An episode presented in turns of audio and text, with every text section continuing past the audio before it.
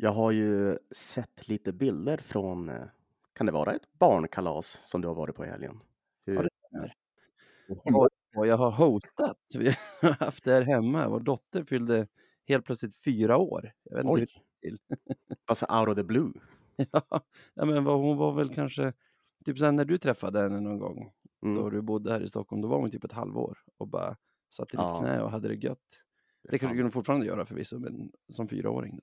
Det är fan sjukt vad tiden går, går fort. Ja, man får panik av att tänka på det ju. Men då, är, podden äldre än henne? Eller Nej. är de jämngamla nästan? De är födda samma år, men hon är född i mars och podden tror jag i oktober kanske. Det är fan ändå helt otroligt. Ja, ja. Helt otroligt. det är en gammal jävla podd vi har också. Ja, verkligen. Good times, boys. Let's keep the fucking shit train rolling. Take it to the final destination.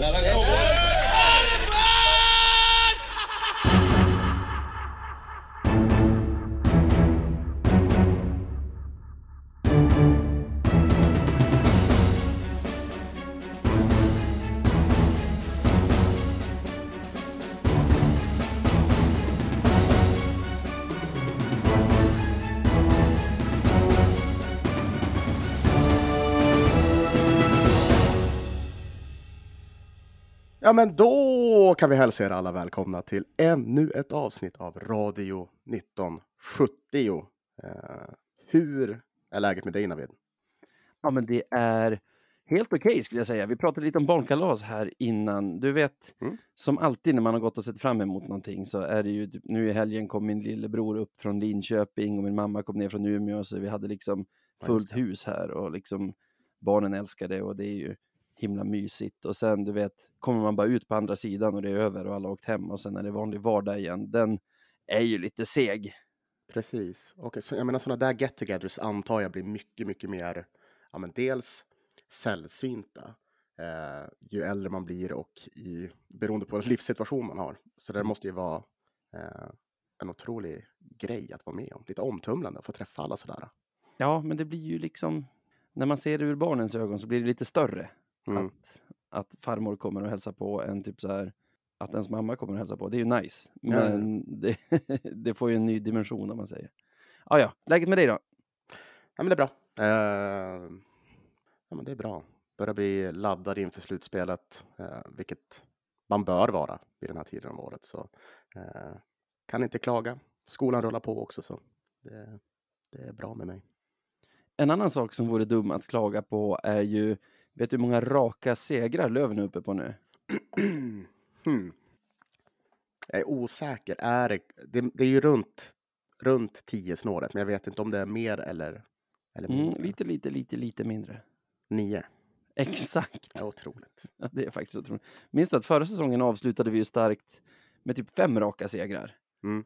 Eller sex kanske det var. Jag minns inte exakt. Men det var ju från tränarbytet så vann vi ju första matchen med, med Latti som huvudtränare. Eller enda matchen med Latti som huvudtränare och sen vann vi ju resten också när Stråle kom in. Om det var kanske en match med Latti och fyra med Strålen och sånt. Jag vet inte. Men nio raka, det är ju en form att gå in i ett slutspel med. Ja, det är det. Och det är väl någonting som, som vi har efterlyst liksom, under hela säsongen. Att kan vi bara snälla få en formtopp då så, så känns det bra eh, när vi går in i den här tuffa perioden. För det är ju så att man behöver ha lite, lite flyt under skridskorna eh, och en bra känsla. Annars så kan det ju gå lite hur som helst. Så det är jag ju väldigt glad över. Den där nionde raka segern var ju den som kom i fredags borta mot Södertälje. Jag var på plats och den satt ju långt inne till slut ändå. Mm. Ja, jag vet inte riktigt. Det kändes som att men det kändes som att det var, det, det hade ju kunnat bli en sån där speciell kväll i Södertälje fast åt motståndarlaget då. Ja, Det var, det var lite väl mycket, alltså många saker som klaffade. De verkade ha ett relativt bra spel, spela sig ut eh, väldigt fint ur eh, liksom defensiv zon och hade Mm. liksom ett bra publiktryck på det. Medan vi lite mest, jag vet inte riktigt vad vi gjorde. Eh, låg och fiskade lite. Ja men typ, vi var inte jätteintresserade ändå. Men den här matchen får ju också, den präglas ju av att vi leder, vi leder med 3-0 efter första perioden. Mm. Men då får vi också veta att Modo har vadå 5-1 mot BIK Karlskoga och att den här Mm. matchen är helt betydelselös för oss. Ja. Och då har vi det här med motivation versus klass igen. För Södertälje saknar ju Videll och saknar väl fler spelare också tror jag i den här matchen. ja, det här är en match men- de inte ska kunna rå, rå på oss. liksom. Nej. Men lika oviktig som den här matchen är för Löven, sista 40, Mm. lika otroligt viktig är den ju för Södertälje eftersom Mora förlorar sin match och Djurgården vinner sin match. Så du har ett scenario för Tälje där förlorar de kommer de femma i serien. Tar de två poäng kommer de fyra i serien. Tar de alla tre poäng kommer de trea i serien. Mm. Och det är ju, alltså skillnaden mellan tre och femma är ju enorm. Och det tyckte jag man såg på hur, hur hårt de två lagen slet för segern i den här matchen. Ja, vilka förutsättningar de hade där. Eh, och, och precis så, alltså, det kändes som där efter första, liksom, vi hade ju fått in våra kassar och när det där väl skedde så då, då, då får vi se det, motivationsgrejen. Så, eh, ja. Men det är ju spännande att se en direkt jämförelse mot motivation versus class. Alltså. Ja, för det var ju också i den här matchen. Vi har mött Södertälje i tre matcher innan den här. Mm. Och de tre matcherna har vi släppt in fyra mål, varav ett är i tom kasse nere i Södertälje i första mötet. Av de övriga tre är ju ett när han, heter han Emil Alba, Mm. skjuter från sarghörnet i stort sett över, över axeln på, på Jona. Och så gjorde de ju två i Umeå i den matchen som de vann i förlängning. Och liksom utöver de här fyra målen har de knappt skapat några målchanser känns det som på de här tre matcherna. Vi har haft ganska bra kontroll defensivt på dem, även om vi har haft ganska svårt framåt mot dem i de tidigare matcherna. Men i den här matchen, de gör ju tre mål, men det känns som att de kan göra tre till. Och kanske tre, alltså, de kan göra tre per period nästan. De kom ganska bra in på insida och fick tryck mot vårt mål Ja, i egentligen hela matchen. Ja, precis. Jag tycker även i första, även fast det ser ut som att vi har en väldigt, väldigt komfortabel 3-0-ledning, vilket man Mm. ska tycka att det är, så tycker jag ändå att SSK har någonting. Och Mm. det är väl det där äh, hoppet. Ja. Eh, De, de verkade liksom gå in lite, lite mer och tuffare i närkamper och, och hade den där viljan. Så ja, vi ska ju vara, vara glada för, för, i alla fall för våran streak, att de inte riktigt lyckades med, med det de försökte med. Nej, precis. Jag tyckte också att det var kul att se jublet bland spelarna efter, efter segern som bärgades eh, efter straffar. Jag vet inte hur många som brändes innan Fitzgerald la, Ja, Alltså, avgjorde matchen med årets jävla straff. ja. Och för då är det ju ändå, då har det gått kanske en, en och en halv timme som vi supportrar har slutat bry oss hur matchen slutar egentligen. Även vi på läktaren har slutat bry oss hur den slutar, för det spelar ingen roll för oss. Och Ja. det var en sån genuin glädje bland spelarna över, över den där straffsegern och kanske över den intakta streaken också, vad vet jag. Men är man bara en liksom blödig supporter om man tycker att det säger någonting om laget och gruppen, att de visar en sån glädje över, över en betydelselös seger. Nej, det skulle jag inte säga. Utan ja, jag tycker också att det är jättefint. Det kanske är två blödiga, blödiga supportrar i så fall.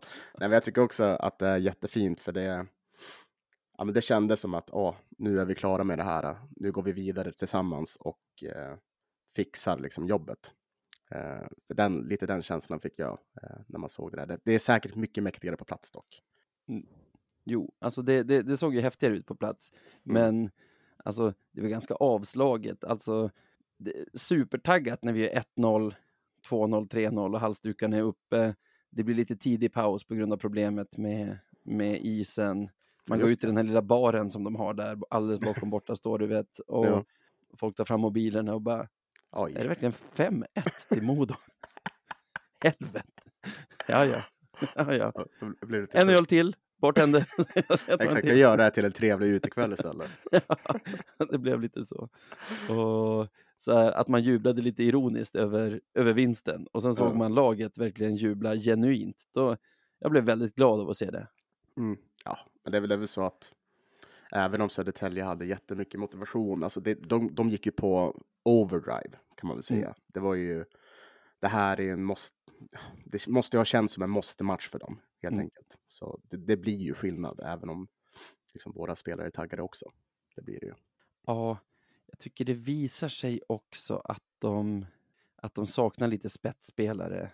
Nu, ska, nu är inte det här en Södertälje-podd, så det, vill man ha analyser av deras spel så finns det säkert bättre poddar för det. Men jag menar, vi gör ju nästan allt för att de ska vinna den där matchen i Mm. liksom misstag, eh, tar dåliga utvisningar och de lyckas ändå inte trycka in tillräckligt med puckar för att vinna den, trots alla chanser de radar upp och det, det spelövertag de ändå bjuds på. Så eh, tråkigt för dem att till exempel Videll är borta resten av den här säsongen. Ja, nej, men jag, jag håller väl med dig där. De skulle ju behövt det där lilla extra. Och, och, och som man ändå har fastslagit på något sätt, eh, som, eller i alla fall jag håller med om, så är han ju det man kallar för den mest värdefulla spelaren för sitt lag. Mm. Eh, och det tycker jag man har kunnat sett. Och han hade ju definitivt gjort en skillnad i en sån här match. Med hans rutin och, och bara rent av, rent utav hans skills som han har. Så ja, Eh, Även Nikola Pasic tror jag saknades i den här matchen, som har väl egentligen båda sina, båda sina eh, någorlunda vettiga offensiva pjäser borta. Så det är väl vad det är. Vi släpper Södertälje nu. Men du nämner, vi, du nämner ju det här att man får ju ge Linus Widell att han är den spelare i ligan som, som är mest viktig för sitt lag.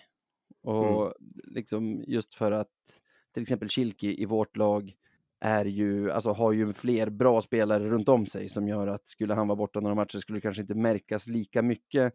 Däremot har man ju märkt, fastän man inte borde bry sig om sånt här under veckan, hur experter som ska vara edgy och liksom ha en egen take har Mm. liksom nämnt sådana som Videll och Kryger även i snacket om vem som är ligans bästa spelare. Ja, men alltså så här, tror inte du det? Att, att de bara liksom blandar ihop vad MVP faktiskt betyder med just att vara den bästa spelaren?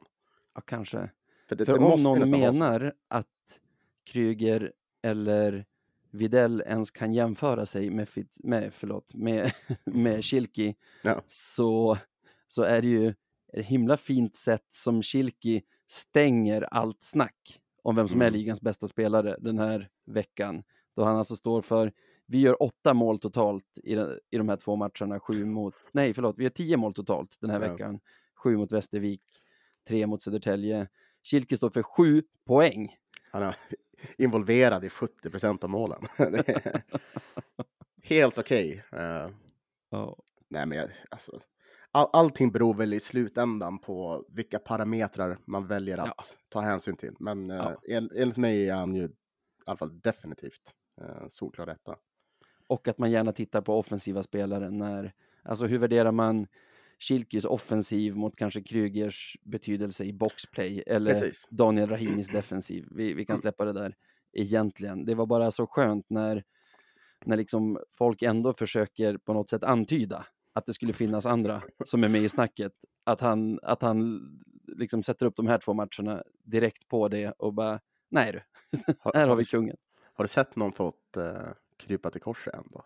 Nej, jag vet inte om jag har följt det så jättemycket. Det, det är som sagt saker som när man hör det så blir man irriterad och sen släpper man det. Men du har sett vad för slags rekord han har slagit också? Kilke? Ja, Nej, berätta. han är den utländska spelare som stått för flest poäng i en allsvensk säsong någonsin. Oj! Alltså, han slår sådana som Brock Little som Mm. spelade en säsong i Västerås innan han stack till SHL. Eh, vad har vi med? Tambellini. Mm. Eh, hjälp mig, vad har vi mer haft för bra utländska spelare? Det är alltså i nuvarande formen. Han slår ju inte till exempel Alex- Alexander Bijavski. Nej, det var det jag tänkte. var Nej, lite förvånad. Men... Nej, men så det är ju häftigt. Men man tänker ju ändå så här, för vi ska ju snacka lite Weigel här också hade jag tänkt. Mm. Men tänk om vi inte hade behövt vara utan Weigel i 21 matcher. Tänk om inte Kilki hade behövt vara utan Weigel i, i 21 matcher. För han slutar ju på 66 poäng nu ändå, Kilki. Ja. Men då har 45 av de poängen kommit under de 31 matcher som han hade Weigel vid sin sida. Det är fan så sjukt alltså. Ja, Alltså han snittar, med, utan Weigel snittar han 1,1 poäng ungefär per match. Mm. Med Weigel snittar han 1,45 poäng per match. Så förutsatt, nu, nu blir det här bara en lek med siffror. Förutsatt att han hade haft Weigel alla 52 matcher och Mm. haft samma snitt. Eh, då, då snackar vi att han landat på 75-76 poäng där någonstans. Det, är väl, det är väl hyggligt. helt, han är väl helt okej liksom. Ja, det hade, ja, nej, alltså den där uh, konstellationen med Weigel, Poli och, och, och Schilke Mm. och hur de liksom gör varandra bättre till, till typ ti, två nivåer bättre hockeyspelare känns det som ibland. Det är, eh, det är ganska otroligt. Eh, Ja. Och ja, man kan ju alltid drömma. Men eh, som tur är så får vi ha dem nu i slutspelet och det ser man ju verkligen, verkligen fram emot. Kan de kanske slå några fler rekord? Förhoppningsvis. Får vi se. Man kanske går långt. Kanske går vi långt. Ja, Mm. Visst är det tre matcher Weigel har varit med här på slutet? Eh, ja, det, det var ju Västerås hemma som var hans Ja, premiär. Mm. Mm, Så, Så då har vi helt plötsligt Schilke och Poli tillbaka som etta och tvåa i den interna poängligan för de tre matcherna. Nio poäng på Schilke respektive sju poäng på Poli på tre matcher. Det, Mm. det har något. Helt okej. Och tänk ändå att vi, det är så många som, som har, under den här säsongen, för vi blir alltid kritiserade för att vi värvar ja, men, transatlanter och så vidare, som har sagt att Kent, det är lite hit and miss med hans värvningar. Ah, Jag vet inte fan alltså. Väldigt mycket hit. Väldigt mycket hit. ja. Ja, men du, nu har vi pratat så mycket om Weigel utan att prata om honom på riktigt, så vi kan väl göra det nu. Mm. Han har alltså innan skadan på, vad sa vi, 31 matcher gjort två mål. Mm. Nu kommer han tillbaka, utvilad, upp, upptränad, gör på tre matcher fyra mål. Har han bara så stått vid skottrampen? Det verkar så. Det är väl foten eller benet han har haft ont i, så det kanske har stått Det och bara matat avslut istället. Nej, det är så jävla kul och det, är, det är så otroligt roligt när, när Weigel gör mål. För man, man blir ju själv lika förvånad som han blir när han Mm, gör mål. mm. Det är som att han inte kan tro på det. Men eh, ja, vad fan, vi tar det. Eh, om, man, om man kan utveckla det här till någonting, till en trend, då får man vara väldigt glad över det. För det är ju väldigt imponerande av en person som aldrig gör mål, att han gör så mycket mål. Och direkt efter en comeback dessutom. Verkligen. Och alltså, det är lite som när Rahimi gör mål. Att man blir extra Precis, glad. Alltså man blir galen själv när, när man ser att det är Rahimi eller, eller Ja. Weigel som har gjort det. Och vi har haft några sådana spelare. Men jag tänker typ Ville. Det Mm. var ju också så här, ja men det är ju hur kul som helst när han gjorde mål, egen produkt, eh, fick chansen, tog den. Jon Palmebjörk. Även om Jon. det hände väldigt, väldigt ofta att han gjorde mål förvisso.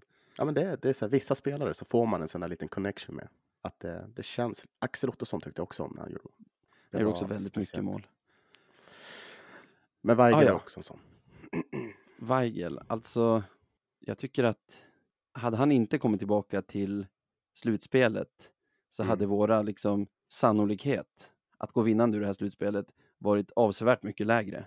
För så här, Schilke och Poli, de har ju spelat nu sen Weigel försvann med först Possler, Mm. typ två matcher, sen Fitzgerald några matcher, sen hade de ju Mustonen mellan sig ett tag innan på slutet var det ju Jakob Olofsson som var Precis. där och liksom under hela den perioden varit bra, men inte varit så här eh, överlägsna interna poängligaledare i fem mot fem över den perioden, utan i fem mot fem har det varit kanske så här Hatching och Bengtssons lina som har, som Mm. har burit oss, eller den med, eh, den med Fitzgerald och Fortier och Ja tidigare Postler och nu Löke liksom. Det känns som Så- att man har varit tvungen att hitta andra vägar för, Mm. för att vinna matcherna. Men, eh, men ja, eh, jag hade inte heller känt mig lika positivt, eh, måste jag säga. För det känns som att vi blir ett annat lag. Vi kan spela ett annat spel när vi Mm. har eh, ja, Weigel och andra tillbaka. Liksom. Så, Ja. eh, det blir jävligt spännande att se det här. Och nu har vi ändå jag, så, jag läste i VK att eh, Jeppe tränar väl ungefär på 50 procent ish. Eh, eller om det var en skott som var på 50 procent. I alla fall han är på is med röd tröja och det, det känns ganska bra. Ska snacka med läkarna på fredag. Ja, Så- Du ser, du ser. Jag vågar inte hoppas på Jesper också det här slutspelet. Det vore ju, oavsett hur det går i slutspelet, det vore ju otroligt om, om, Mm. om vi skulle få tillbaka honom också. Ja, Men inte bara så här att Weigel har varit tillbaka tre matcher nu och att det har varit skönt, utan jag tror överhuvudtaget de här tre si, si, sista matcherna i grundserien, mm, det är de tre enda matcherna på hela grundserien där vi har haft våra fyra ordinarie centrar med Mm. i matchen. Alltså, för det första, vansinnigt. mm, För det andra eh, blir man lite så här när man ser de här matcherna. Okej, det var så här det var tänkt att se ut alltså. precis. Ja, men ganska bra. Ganska bra. det är också så här, om vi tar bara Jakob Olofsson som, som är en av de här. Eh, vilken, vad, vad lätt man glömmer bort hur jäkla bra han är. Mm. För han är också en sån som efter sin nu, att han har kommit tillbaka har varit ja, men fenomenal. det är så här en spelare kan vara också. Eh, och då är det så här, inget, inget skit mot de andra som har fått vara centrar. Men, men de här kan ju göra det på ett annat sätt. Som, eh, som man själv kanske tycker om lite mer. Så ja, full, nästan full trupp. Ja, det är otroligt. Nu känns det som att man jinxar sönder det här. Men det fetaste som har hänt på slutet, i Radio 1970-universat i alla fall, det är ju att någonting som du och jag har pratat om i typ fyra år, men Mm. behövt få in en, en sån doer som, som Jesper Nilsson ändå är. Det är ju att skaffa en så kallad Patreon som vi har nu, som gör att ni som lyssnar, för det har man hört genom åren, vi borde, ni borde ha ett sätt så att vi lyssnare kan stötta er ekonomiskt för, för det ni gör. Och det har vi nu, eller hur? Precis, och det hade liksom, vi, vi skulle vilja göra det proffsigt och det är ju precis det vi har kommit fram till nu, att det här är nog det bästa sättet. Eh, det är alltså en, ens, ens medlemssajt kan man väl säga, där man kan bli medlem och eh, ja, det kostar en liten slant i månaden och då får man tillgång till till exempel extra material. Det kan vara ett poddavsnitt, det kan vara en intervju, det kan vara ja, men lite vad som helst, eh, samtidigt som man då väljer att ja, men stötta oss. Eh, och man får ju också en inbjudan till våran, till våran Discord-kanal och det tycker Ja. jag är fett. Där är det bra drag nu. Jag har Ja, inte varit speciellt mycket på Discord innan. Jag har suttit där för två dagar nu och haft kul med, Ja. med de här som har droppat in nu som Patreons. Det man gör alltså om man vill stötta oss ekonomiskt, det är att man går in på patreon.com, alltså patreon.com snedstreck radio 1970. Ni hittar länkar till det här på vår Twitter och vår Insta och sådana grejer. Och där har vi ju satt ut, man kan välja, man kan välja lite oli, alltså olika summor med, som man kan stötta oss med per Mm. månad och det har vi sagt nivåer både för de allra fattigaste och verkligen de allra rikaste också. Som kan Ja. hitta en nivå som, som passar dem. Kan vara lugnt säga. Ja, nej, det finns lite, lite olika alternativ helt enkelt. Eh, Mm. Och vi kan väl bara dra, vi kan ju dra Rahimi-nivån egentligen. För det Mm. är ju en, en attraktiv sådan. Och då får man ju, som vi var inne på lite innan, tillgång till livesändningar via Youtube. För vi har ju gjort några sådana här livesändningar och de har ju varit Mm. väldigt populära vill jag ändå tro. Mm, mm. Eh, förtur när vi släpper exklusiv merch och så tillgång till våran Discord. Och det här kostar då 48 kronor i månaden. 48 kronor ja. Så har vi nivån som heter Hutchings. Som om Rahimi kostar 48 kan man lista ut vad nivå Hutchings kostar. Det är 90 kronor i månaden. Då får man gre- samma grejer va? Plus tidigare tillgång till de avsnitt vi släpper. Mm, precis. Så det, det finns lite olika perks och de, de justeras ju, men eh, Ja. efter nivå. Men lite så är det. Och en anledning att vara snabb in på det här är ju att redan på torsdag, alltså dagen efter det här avsnittet släpps, så kommer vi att släppa ett, släppa ett avsnitt för Patrons där du och jag och Manne och Jesper snackar Ja. igenom kvartsfinalvalen som gjordes tidigare nu tisdag kväll. Löven fick, eller Löven valde Västerås bland annat. Och kanske snacka upp kvartsfinalerna lite och vad vi tror inför dem. Så Precis. det är väl en anledning så god som någon att signa upp, eller? ja, men det kan jag tycka. Och sen så är det väl, det är väl lite bud på gäster där också, så det kan, med en, som kan komma med lite input. Så,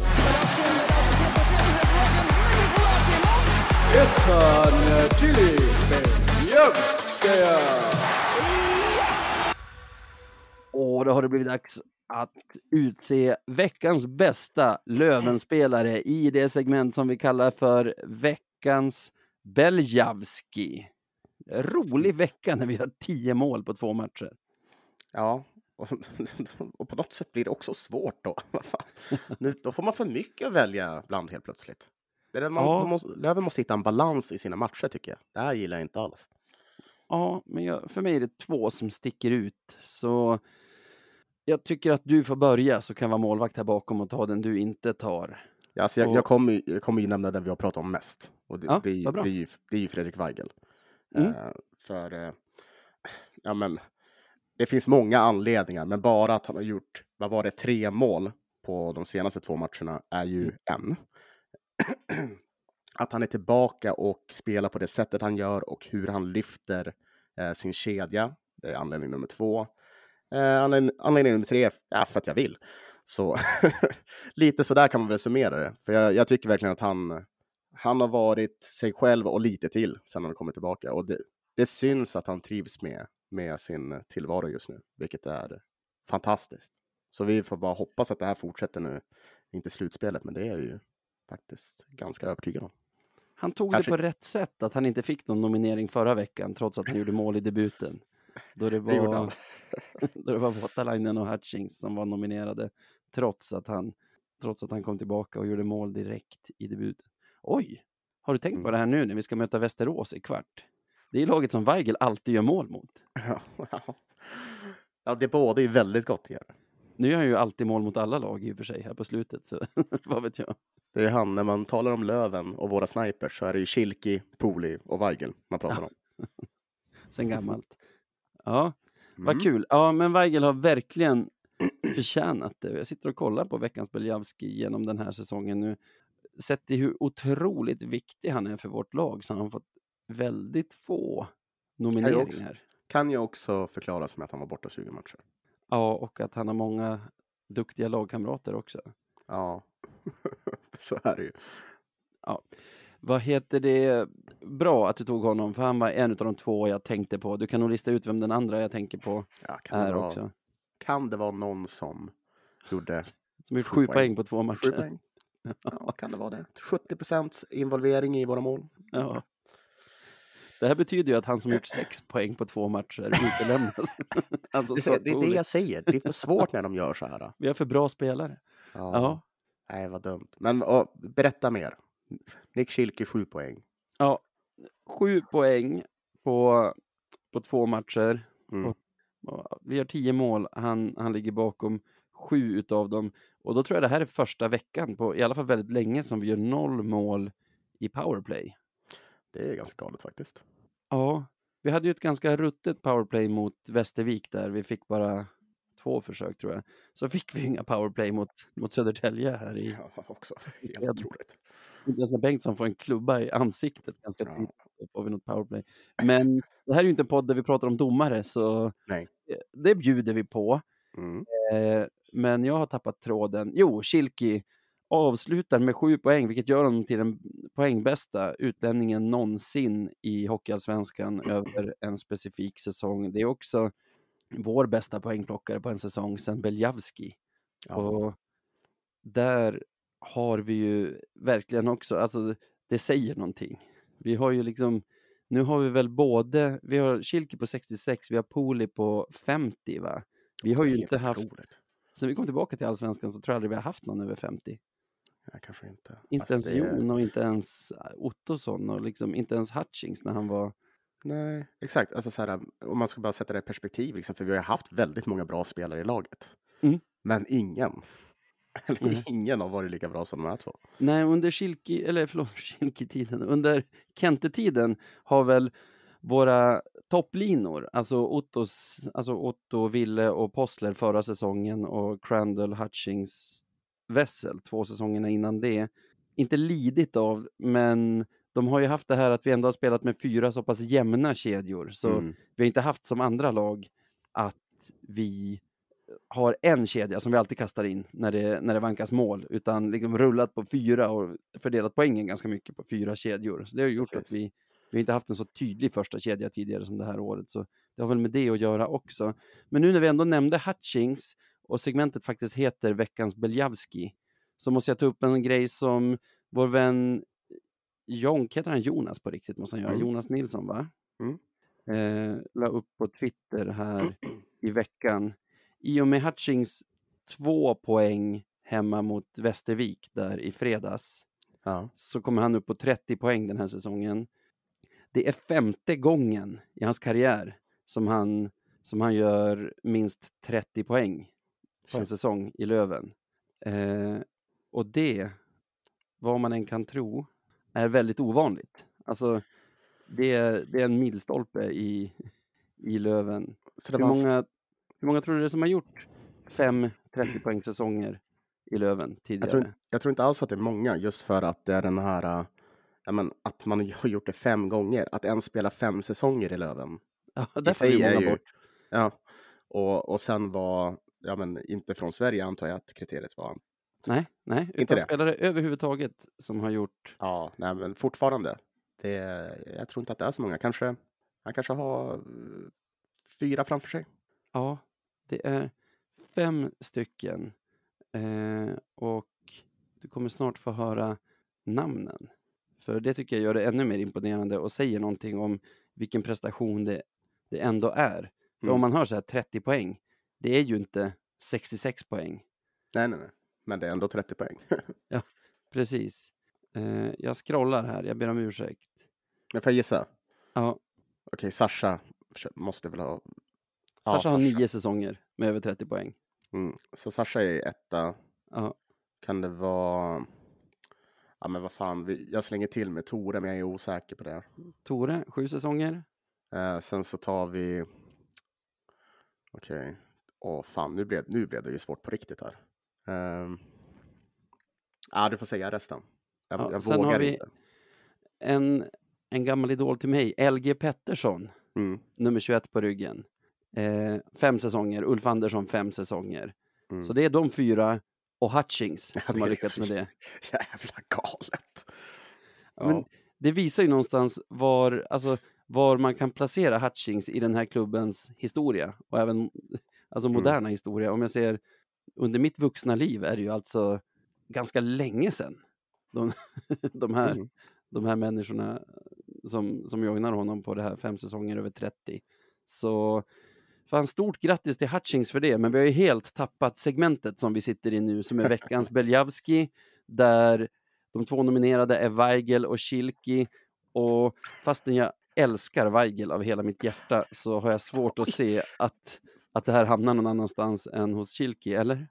Nej, alltså, jag vet inte, ska vi råna? Ja, eller det är bra om vi gör det här, för då kanske Weigel får lite, lite bensin. Ja, precis. Så- Ja, nej, men Schilke är ju, det är kl- såklart att han är värd det. 70 procents involvering, alltså. Det är, ja, det är galet. Ska vi utlova att i det här Patreon-exklusiva avsnittet som släpps imorgon Mm. så, så berättar vi ställningen i veckans Beljavski, hur den ser ut nu efter grundserien. Kanske grundserie, grundserietabellen Ja, men för absolut, veckans Beljavski. Mm, det, det lovar vi. det lovar vi. Kul, men då så, stort grattis Niklas Schilki som är veckans Beljavski. Grattis!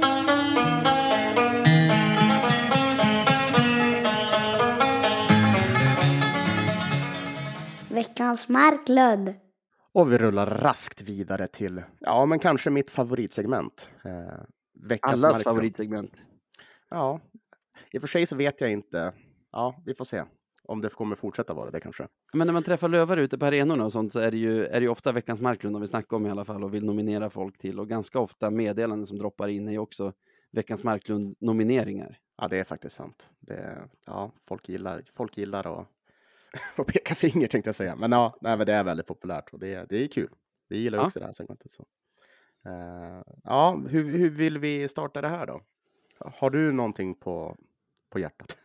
Ja, det har jag faktiskt. Jag har, det finns lite olika saker som är irriterad över den här tiden på säsongen. Mhm. Ett, att, att man får välja motståndare i, i slutspelet. Det här röjde jag om förra året, men som det är samma i år så alltså, nu blev det och för sig ganska fair and square valen som skedde nu. Det var, det var väl egentligen bara Mora som frångick att välja lägst placerade lag. ja, precis. Och de valde BIK Karl- Nej, de valde Djurgården. Nej, förlåt, de valde Södertälje som kom femma istället för BIK Karlskoga som kom sexa.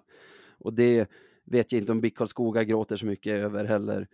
Eh, eller förlåt, det vet jag inte om Södertälje gråter så mycket över heller, som faktiskt var bättre placerade än BIK Karlskoga. Så det må väl vara hänt. Det är bara mer principen att det måste spela roll, utöver vilka som kommer i topp fyra, måste det spela roll placeringen om man kommer femma, sexa, sjua, åtta, nio eller tio också. Mm, ja, exakt, för det, det kan ju bli så, ja, men som vi var inne på förra säsongen, för då var det väl Kristianstad. Mm, Kristianstad blev ju vald av Modo fastän de var topp 6 och Modo var tvåa. Mm. Det, Så blir, att- det blir lite konstigt. Blir det. Ja, det blir ju, jag tycker, jag tycker det är helt rätt av Modo där till exempel att välja det lag de tror passar dem bäst nu när man får det. Mm. Men jag tycker det är fel gentemot Kristianstad. Samma sak Mm. i semifinalerna förra året så var det ju ettan, tvåan, trean, fyran i serien som, som var vidare till semi. HV var etta och hade de gått efter tabellen hade de ju valt oss i semi. Men valde istället tredjeplacerade Bofors. Ja, också så här märkligt. Så, alltså, liksom Bofors har ju kommit bättre än oss i tabellen.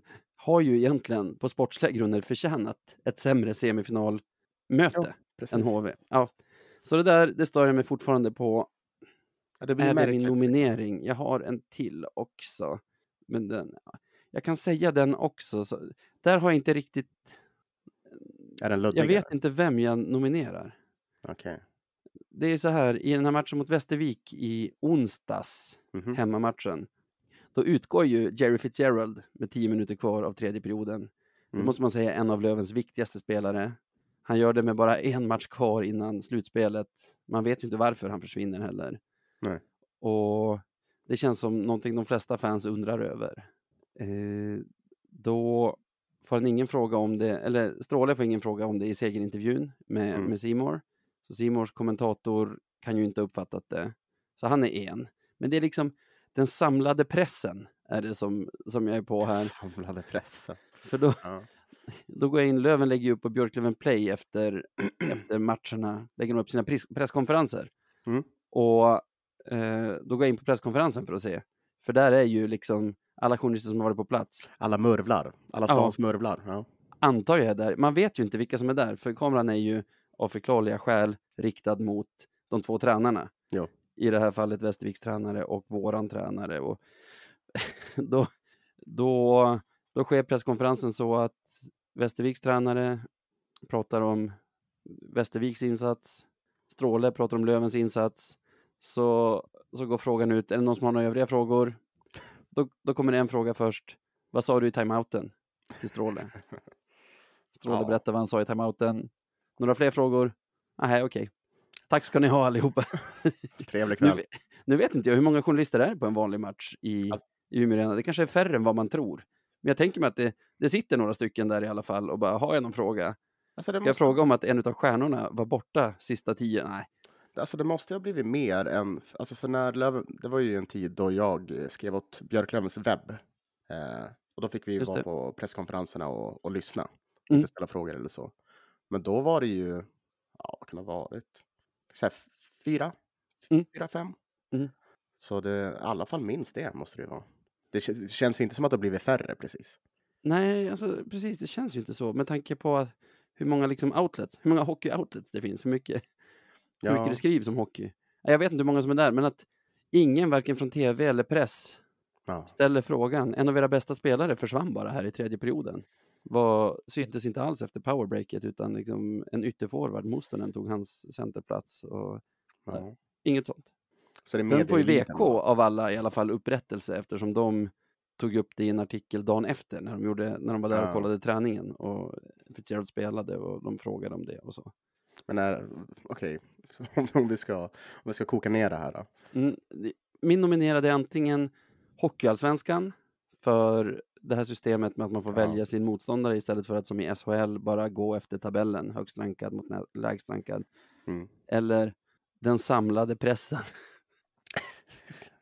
Ja, en specifik del av den samlade pressen, alltså den, den på den samlade pressen i ladan. ja okej. Alla som var där får sig en Ja. känga liksom. Ja, Vilken av dem? ja alltså. Nej, vi tar Hockeyallsvenskan. ja, Hockeyallsvenskan förtjänar ju en del. Mm, Så det, det, det är alltid en bra nominering. de är Tvivlar man Hockeyallsvenskan, de har alltid gjort något jävligt. Det finns några stycken som är, alltså som i framtiden kommer kunna väljas in i veckans Marklund Hall of Fame. Mm. Både förbundet och Hockeyallsvenskan har ju Jag har ju några. givna platser där. Ah, ja, vad har du? Um, okej. jag, kanske, jag kanske måste be om ursäkt här. Mhm. Och eh, jag vet inte, alltså jag vet inget bättre sätt än att göra det på än på det sättet jag kommer göra det nu. Så nej, det var ju så att det kan ha varit så att jag, ja, här i podden, I det här segmentet va? ja, ja, kan ha, nej men varit lite stor på mig du vet och, och lite, lite för självsäker och kaxig och eh, nominerat en massa folk eh, till veckans Marklund när de kanske inte alls förtjänade. Eh, det var ju såklart då jag eh, Ja, jag menade ju att vi skulle ta, liksom, vi skulle, vi skulle knipa seriesegern. Mm. Um, och eh, var ju väldigt, väldigt övertygad om det. Nu med facit i hand gjorde vi inte det. Nej, vi gjorde ju Och- inte det. Och Att- Alltså ur mitt perspektiv så, visst var det så här att du nominerade alla som hade sagt att vi inte skulle vinna serien? För just när vi spelade in avsnitt för två veckor sedan hade Mm. Löven en otroligt tillfällig serieledning då vi hade en match mer spelad än Modo och en poäng mer. ja, så- Du, du hängde väl ut oss som, som hade sagt att vi nog inte kommer vinna serien och namngav dessutom fyra Nej. personer som var, de, som var genierna som, hade, som visste att vi skulle vinna serien hela tiden. ja, det, jag ja, har namnen men, framför mig här, men jag tycker att det är ju, visst är det, den du nominerar är väl den som satt i en podd och sa det, eller? Ja, för att jag, jag förstår ju också att jag direkt jinxade våra chanser för att faktiskt vinna det här nu när vi hade ett sånt läge. Så det är ju, det är ju någonting, det är det är ju ett ok som jag får bära. Jag känner ju ingen som är så orolig för jinxar som du är. Ja, det var, det var ju out of character var det. Jag vet inte. Jag vet Du inte testade? så. Ja, jag testade. Och det flög inte. Så det, man kan ju också se det så här att det här var ju kanske ett vetenskapligt test och eh, jinx existerar. Så, så var det med det. Nej, men nej, jag, jag, jag, eh, jag tar på mig att jag jinxade, gör jag, och ber om ursäkt till dem jag nominerade. Och nominerad därmed mig själv. Eh, Du börjar ha några nomineringar också. Ja, jag har ju, ja, det är jag, det är ishockeyförbundet och Hockeyallsvenskan som är där uppe. Jag tror, ja, det måste vara vi. måste vara vi. Det ser, ja, det ser dåligt ut det här. Det, men ja, jag gör avbön. Gör jag. Ja, det är fint. Men vi utser väl inte oss själva till veckans Marklund? Alltså, jag har väl blivit det en gång tidigare, så det vet jag fan. Ja, det är sant. Men då var du inte här. Exakt, nu har jag lite makt över det. Nej, jag, jag, jag brinner ju för att ge det till Hockeyallsvenskan. Ja, för jag, det jag, bli så. För jag tycker ju också att det här systemet, för det är precis som du säger att vad är det för jävla vits med de alltså, fyra andra, eller de andra platserna utifall om det inte kommer att avgöras efter tabell hur som helst. Det spelar ju ingen roll. Nej, alltså det är som att för att göra placeringarna topp fyra så attraktiva som möjligt Mm. så liksom negligerar man ju resterande. Mm. De har ju egentligen ingenting att spela för, de som kommer, alltså i slutet, de som kommer femma till, Ja, femma och sexa är det ju. Det är ju skönt att slippa play-in ändå.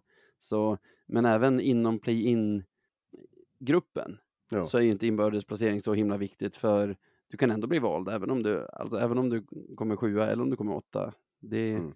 det får ju mycket mindre betydelse. Och Det är så märkligt bara. jag, jag glömde också, jag, det är nog Hockeyförbundet mer än Hockeyallsvenskan.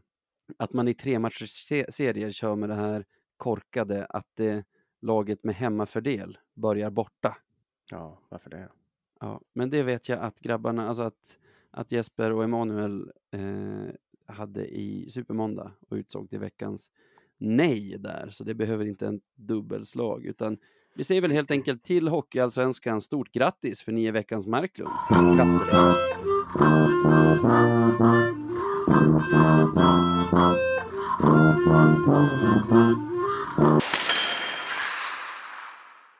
Och nu har vi kommit till den delen av avsnittet då vi brukar prata om veckan som kommer, som ju kommer att Mm. innehålla tre stycken kvartsfinalmatcher. Men vi tänkte inte prata om det ikväll, utan det kommer vi nog göra tillsammans med Manne och Jesper imorgon kväll, som kanske kommer på torsdag eller något sånt. Eh, nu har vi faktiskt med oss två stycken bekanta från podden tidigare, en mer än den andra kanske, och det är Manne och Olof Baudin. Välkomna! Tack så mycket. Kul att vara med här grabbar. Ja. Man känner Ja, sig som verkligen gäst, som en gäst ändå. Det roligaste var ju när jag och Jesper intervjuade Kente till ett måndagsavsnitt och Jesper sa att han hade två gäster, mig och Kente. Vad fint Ja. ändå att få vara gäst i den här podden. jättefint är det. Kul. Hörni, idag onsdag alternativt imorgon torsdag kommer det att släppas en ny låt där båda ni har varit inblandade på olika sätt. Olof, under hela tiden jag har känt dig så har ju du kämpat ganska hårt för en ny Lövenhymn eller en lite modernare Lövenlåt i alla fall. Kan du berätta lite om det? Ja, på något märkligt vis har det väl blivit min kulle att eh, dö på och dö för, höll jag på att säga. Äh, men eh, jag har väl känt, eh, det är, alltså bakgrunden är att jag som engagerad i Björklöven har jobbat med varumärket, eh, vilket är kanske lite tråkigt att prata om i de här sammanhangen där kanske sporten främst är i fokus. Men otroligt eh, viktigt ur min horisont att eh, vårt vackra fina Björklöv och allt det står för eh, Eh, också ska matchas upp av eh, olika insatser eh, vid sidan av isen. Och här har jag känt att vi har haft en pusselbit som har saknats, nämligen en kanske inte en låt, för det har funnits många låtar genom åren, ska gudarna veta. En del bra, en del inte så bra och en del rent usla. eh, men en Lövenhymn har saknats. Något vi kan enas bakom och kanske sjunga med i, eh, som är lite mer av det storslagna slaget. Och då tänker jag typ eh, Roma, Roma, Roma eller You'll never walk alone eller ni vet, den typen av hymn. Så att jag har ehm, eh, under många års tid, egentligen sedan jag började samarbeta med Björklöven, så har jag försökt åstadkomma det här. Jag har ju ett problem och det är att jag inte är supervass på att skriva låtar. Eh, så att jag har ju, jag har ju pratat med artister lokalt. Eh, Jakob Nyström till exempel och Lisa Miskovsky indirekt lite grann sådär. Eh, och försökt få dem att eh, vilja göra det här. Eh, men jag har väl mer eller mindre gett upp har jag känt. Eh, tills, ja, nu. Eller för ett år sedan. Så kom en liten ängel och knackade på dörren och sa Hej Olof, jag har en låt. Får jag testa den på dig? Eh, och då var det Manne som hade haft eh, lite tråkigt under pandemin. Då kan väl du ta vid där Manne. Vad, vad var det för låt du kom med? Ja, men alltså jag har ju skrivit Lövenlåtar under många år i, vad ska man säga, en lite mer skämtsam eh, karaktär. Men då fick jag covid eh, och låg hemma i ganska många dagar och eh, som småbarnspappa så får man inte så mycket egen tid. Så då, då satt jag med, eller då började jag lyssna runt på olika hymner och, och för mig är det så att musik kommer till mig lite grann. Att, ja men då börjar jag nynna på saker och så skriver jag ner det ganska fort och eh, eh, då måste man ju testa grejerna på någon. Eh, så jag skickade runt det bland annat till till Olof som, som nappade på den, på den här låten och tyckte att den var bra. Och sen så är ju allting en så kallad process. Ja, men saker tar ju tid och man filar på musik och på detaljer och allt möjligt. Jag gjorde bland annat ett, ett sånt här äh, klassiskt eh, researcharbete där jag lyssnade igenom de största liksom, supporterhymnerna, även de som Olof nämnde, för att kolla lite grann, vad är det som funkar? I vilket tonläge ska man vara och sjunga? I, i vilket tempo bör det gå? Och så där, för att ja, få lite referensramar till, till eh, det musikaliska. Och sen så är det ju kul att eh, skriva musik. Och eh, ja, men på den vägen eh, var det eh, helt enkelt. Låten som vi ska få höra ett litet utsnitt ur nu i, idag, vad, vad heter den? Ja, men den heter Gröngult hjärta och det var så att, ja, men som Olof sa, så vi började fila på den här redan i fjol. Och, eh, men vi kom aldrig riktigt i mål för att eh, ja, men Freddans låt finns ju nu, den sitter ju och den, det finns ingen anledning att, alltså den här låten ska ju inte ersätta den på något vis, utan, eh, utan det här är en ny låt som får finnas och leva och så får vi se ifall, ifall folk tycker om den och så kanske någon gång i framtiden så kan vi sjunga den på läktarna. Det får vi se. Eh, men eh, börja skriva den då och eh, tappade tråden lite grann eh, och tog upp det nu den här säsongen igen. För då kom eh, suger tillbaka lite grann. Och när poletten föll ner och jag kände liksom att men, den här ska jag göra, vi gör den. Det var faktiskt då vi åkte ut mot HV71 och eh, det är som allra deppigast då Green Devil står kvar och sjunger. Vi sjunger för vi älskar vårt lag. Vi sjunger för vi älskar vårt lag. Och, och det där liksom bara maler på. De försöker dela ut priser men, men eh, eh, supportrarna bara över, överröstar dem. Och eh, då landar det i, i textraderna. Vad som än händer står vi här med gröngult hjärta gröngul själ och sjunger i Björklöven. Eh, och det kändes som att nej, men den här vill jag göra, den här står jag för och eh, den, den, landade bra hos mig i, i, magen.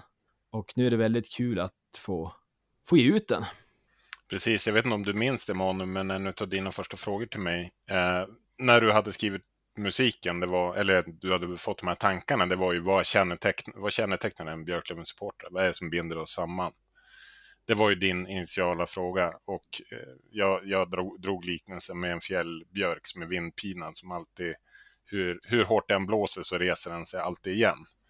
Eh, och det är ju liksom själen i den här låten och texten har vi ju skickat fram och tillbaka mellan varandra och putsat på ja, i ett och ett halvt års tid, ska jag tro ungefär, eh, tills vi är framme i det här. Och för, ur mitt perspektiv har det varit, varit viktigt att understryka det som Manne initialt var ute efter också, den här, att vi, vi står alltid kvar där, vi står alltid pall.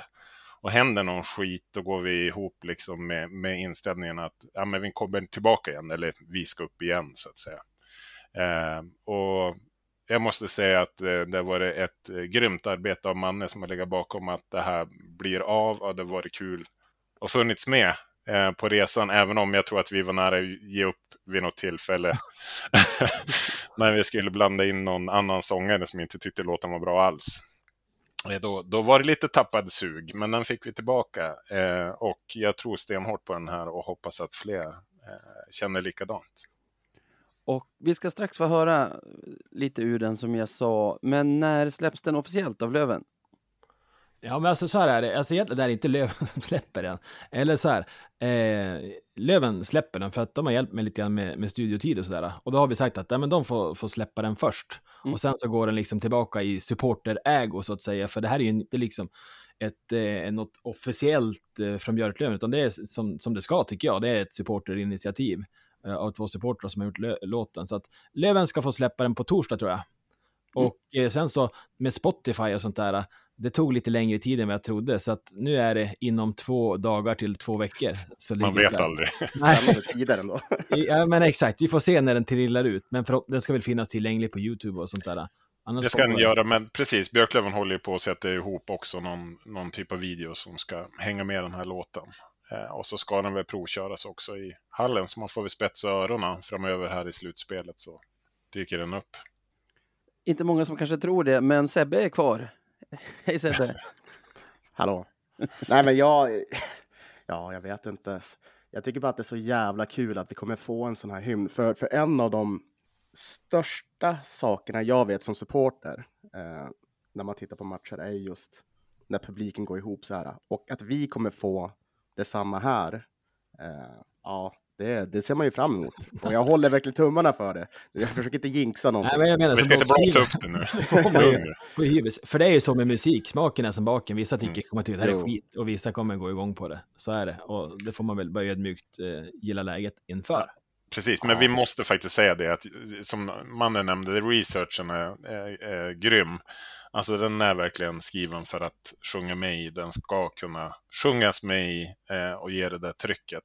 Det är mm. ingången i det. Sen får vi se om den flyger och vad folk tycker. Det är upp till supportrarna helt enkelt. Ja, men precis, för det låter ju ändå som att ni har, ni har tänkt till här när det kommer till texten och, och innebörden och så. Så ja, men...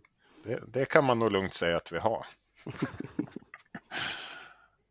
Ni vet hur man hittar oss i sociala medier och hur man mejlar oss, så vi avslutar väl så, och säger tack så mycket Manne och Olof för att ni tittade in. Tack för titeln. Tusen tack. Sebbe, ha det gott. Och ha det gott.